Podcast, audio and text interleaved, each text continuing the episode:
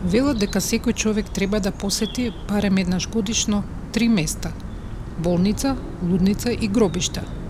Ако не е таму, тогаш што е среќен човек. Прво што направив кога син ми почна да поставува прашање за смртта беше да го однесам на гробишта. После спокојната прошетка, вежбањето на азбуката читајќи ги имињата на покојниците и посетата на гробот на прабаба и прадедо, неговиот коментар беше Убаво место пак да си дојдеме.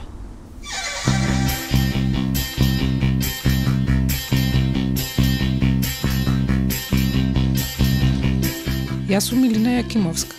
Во оваа епизода од подкастот Обични луѓе ќе зборуваме со Бети, жена која има над 300, како што самата ги нарекува клиенти во бутел. Весела, секогаш дотерана и подготвена за муабет, таа понекогаш ги шокира оние која прашуваат што е незината работа. Епа, да се запознаеме. Прво, јас се викам Елизабета. Управител сум на фирмата Бети Зоки, одржавање на гробој. А, тоа го работам од 2001 година. Идејата не беше моја, него идејата ја прифатев од еден бивши шеф што беше во Аде Бутел, сега он моментално е починат. Ја бев стечен работник, останав дома и немав работа и он ми се јави и ми рече дали би сакала да чистам гробој. И ја тоа го прифатив. И така првиот мој муштерија беше Данчо Шутурков. Уствари тетка Данча Шутуркова беше неговата сопруга. Она беше првиот мој муштерија и она ми донесе уште 7-8 муштери благодарение на тој изо дека биле куќни пријатели. Така почна овој мој бизнес. А, добро, дали ти беше шубе прво време, дека сепак гробишта, смрт, умрени, жално и така натаму. Имаше ли некое суеверие, те плашеше ли нешто? Не, воопшто ништо не ме плашеше, ова го прифаќам као секој дневен живот, како дел од нашиот живот. Што е тоа жива вистина. не се плашев, меѓутоа а, у првите моменти доека малце се очеличев, ако видев некои млади деца кои ги погребуваат, ми беше многу жал. Али после малце се очеличев и сега ако видам таков случај, се тргам на страна. Како изгледа еден незин типичен работен ден? А, работам 4 дена, значи рачуне четврто, петок, сабота, недела, дури Ако има потреба и доаѓам кроз неделата, имаат роден ден, имаат годишнина, имаат помени, морам да дојдам да го исчистам, затоа што врне се прљате, се гледа и морам да го исчистам, од тој момент доаѓаат најблиските и сака да им е почистам. И доаѓам и преку неделата. Иначе еден типичен работен ден ми е една мопа, една канта, една метла, пет крпи и средства и тоа. Тоа е нашиот типичен работен ден. Постарите луѓе, што се постарите генерации, они доаѓаат. Значи имаме луѓе константно кои што доаѓаат у неделата пет пати. Има доаѓаат четири пати. Има луѓе доаѓаат секоја сабота. Идат луѓе секоја недела, зависи. Има луѓе што доаѓаат нон-стоп. Гробиштата Бутел Бете ги нарекува милионски град, со исто толку приказни. Некои од нив се трагични, други, кога би биле филмови, може би повеќе би личеле на трилер или на акција. Напомените знаат да избијат караници помеѓу роднините поради потиснати тензии или за поделба на наследството. Токму во моментот кога разговаравме, на близок гроб, длабок машки глас ги убедуваше останатите дека нема шанси да дели 7000 евра со човек кој не ноша за сходно дури ни да се појави и да одаде почит но за некои нешта кои биле од првин смешни, Бети го сменила мислењето. Ова сега што ќе спомнам се работи пред едно 10-12 години, еден постар човек иде по улица и плаче. Кога го загледав човекот, приметив дека има негде околу 75 години. И он иде и плаче. Мене ми беше смешен човек 75 години, а нема вака работен ден. Нема никој, само ја бев и чиста. И он сирома поминува иде и плаче. Ја викам, што е бе чиче? Вика, абе, татко ми вчера го погребав, ама сега не можем да го најдам. Mm. И јас се викам, леле бе, овој кој има 75 години, па колку ли има татко му? Mm. Најверојатно 100 години. Ама случајно тука ги, ги гледав гробарите дека вчера копа и викам, абе чиче, овој или да не ти е гробот? Да, синко, вика, тој ми е гробот и ја викам, дури мене ми беше смешно. Од тогаш реков дека више не се смеам. Кој ќе дое на гробишта ќе му помогнам. За сепак, дали е 100 години или 105 години он е родител. За мене ми остави длабок впечат и више нема да се смеам. А ќе гупатам човекот ако знам. Друг впечаток кој што го имала на почетокот, уште повеќе се засилил. Дека разликата помеѓу богатите и сиромашните, помеѓу живите се чувствуваат уште понагласено помеѓу мртвите. Ја кога дојдов овдека на гробишта, мене ми беше малце интересно одма ја осветив класната разлика меѓу луѓето. Се осеќа. Се, што е реално, реално. Ако одиме на шутка на тој дел, ќе видиме по сироти гробови, што коштаат по 1000 евра, по 800, по 2.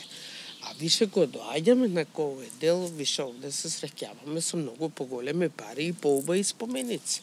Mm -hmm. Значи и овдека се осеќа класната разлика, за жал. Mm -hmm. И мислам дека највише овдека се осеќа. Mm -hmm Најинтересен случај во животот ми беше а, еден доктор тука не е битно кој, у моментот доаѓа и гледам носи носи крст, докторот носи крст. само он на погреб, сандукот по него го носат, го си минјаат гробарите. Уствари попот го носеше крстот, него он носеше венец, погребот, мајка му негова, му стела жилба само он да биде на погреб, никој друг. И мене ми беше многу интересно дека он сам ја погреба мајка му. А имам сознание дека тој човек има фамилија. Бети најмногу работи во делот на гробиштата што се нарекува илјадарка, односно парцелите кои почнуваат со овој број. Вели дека добро соработува со другите колеги кои одржуваат гробишта, иако помеѓу нив понекогаш влада и конкуренција, особено за одржување на гробовите на според нив попрестижните семејства. Сега има 57 години Изгледа дека е во добра кондиција, но поради големиот број гробови што ги одржува, не и помага сопругот, како и двајца асистенти. До кога мисли да ја работи оваа работа? Па ќе се бавам се додека не се симнам у пензија. Јас сум пријавена, ми тече стаж све. Ја више имам 17 години стаж. Од 5 години работев на црно, а после 5 години сама си се пријавив, си ги плаќам давачките на државата. Имам книговодител. Значи, уште колку години ти фалат? Па ја сега негде имам околу 57. Значи, рацунај уште 7 години. А мислам дека и понатака. Се додека можам ќе работам. А оној момент кој ќе не можам ќе побарам пенсија. Само да сум жива и здрава. Да. Не можам да се одвојам од овдека. Бите и сопругот сакаат да патуваат, а на нивните тури секогаш се наоѓаат и локалните гробишта. Ги има посетено оние во Париз, во Шпанија, во Холандија, дури и гробот на Исус во Ерусалим. Во Европа според неа се поскромни, често само со еден камен и природни цвекиња, како што и би требало да биде, без непотребни трошоци. Вели дека идејата за крематориум по углед на Белград или Софија е добра, а храната што се раздава на гробишта е подобро да се даде на деца што нема што да јадат. Овде барем психички се одмара. И немам намера да ја напуштам. Многу ми е убаво. Јас жалам што ќе кажам на гробишта, стварно гробишта, широк поем. Жално е, али ја убж... тука ми е убаво. И убаво се осеќам. На крај Бети има и порака до своите клиенти. Епа, еве на крајот, бидејќи го завршиме оваа наша репортажа, би сакала да ги поздравам сите мои клиенти а, за долгогодишната соработка и поверењето у мене и да им пожелам еден убав и прекрасен ден. Тоа е сепак една пажња за нив.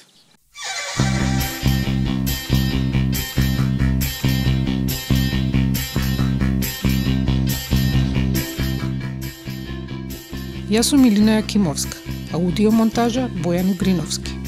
Ова беше последната, десета епизода од третата сезона на подкастот Обични луѓе. Фотографии и целосен транскрипт можете да најдете на нашиот сајт обичнилуѓе.мк. Не заборавајте, барем еднаш годишно посетете ги гробиштата. Нашите сакани може би не се физички таму, бидејќи секогаш ги носиме со себе. Но битно е да се израдуваме дека ние уште не сме.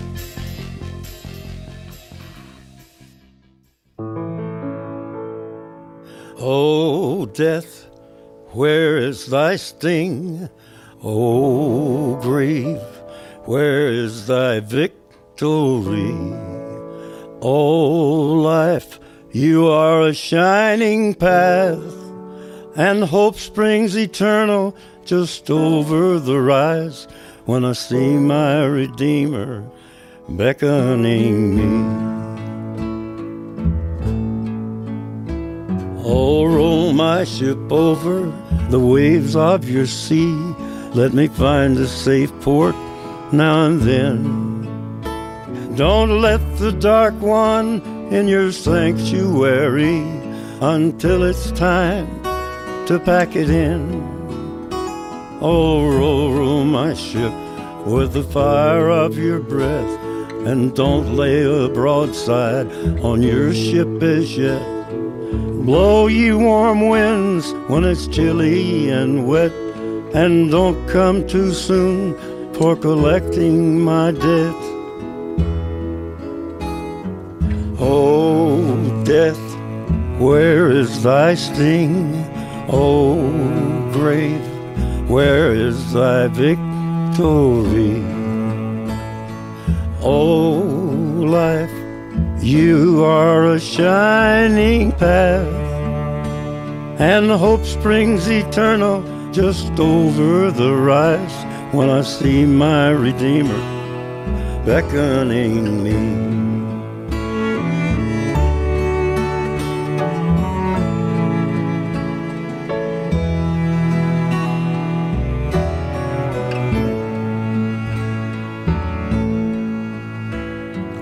Let me sail on with my ships to the east and keep my eye on the North Star.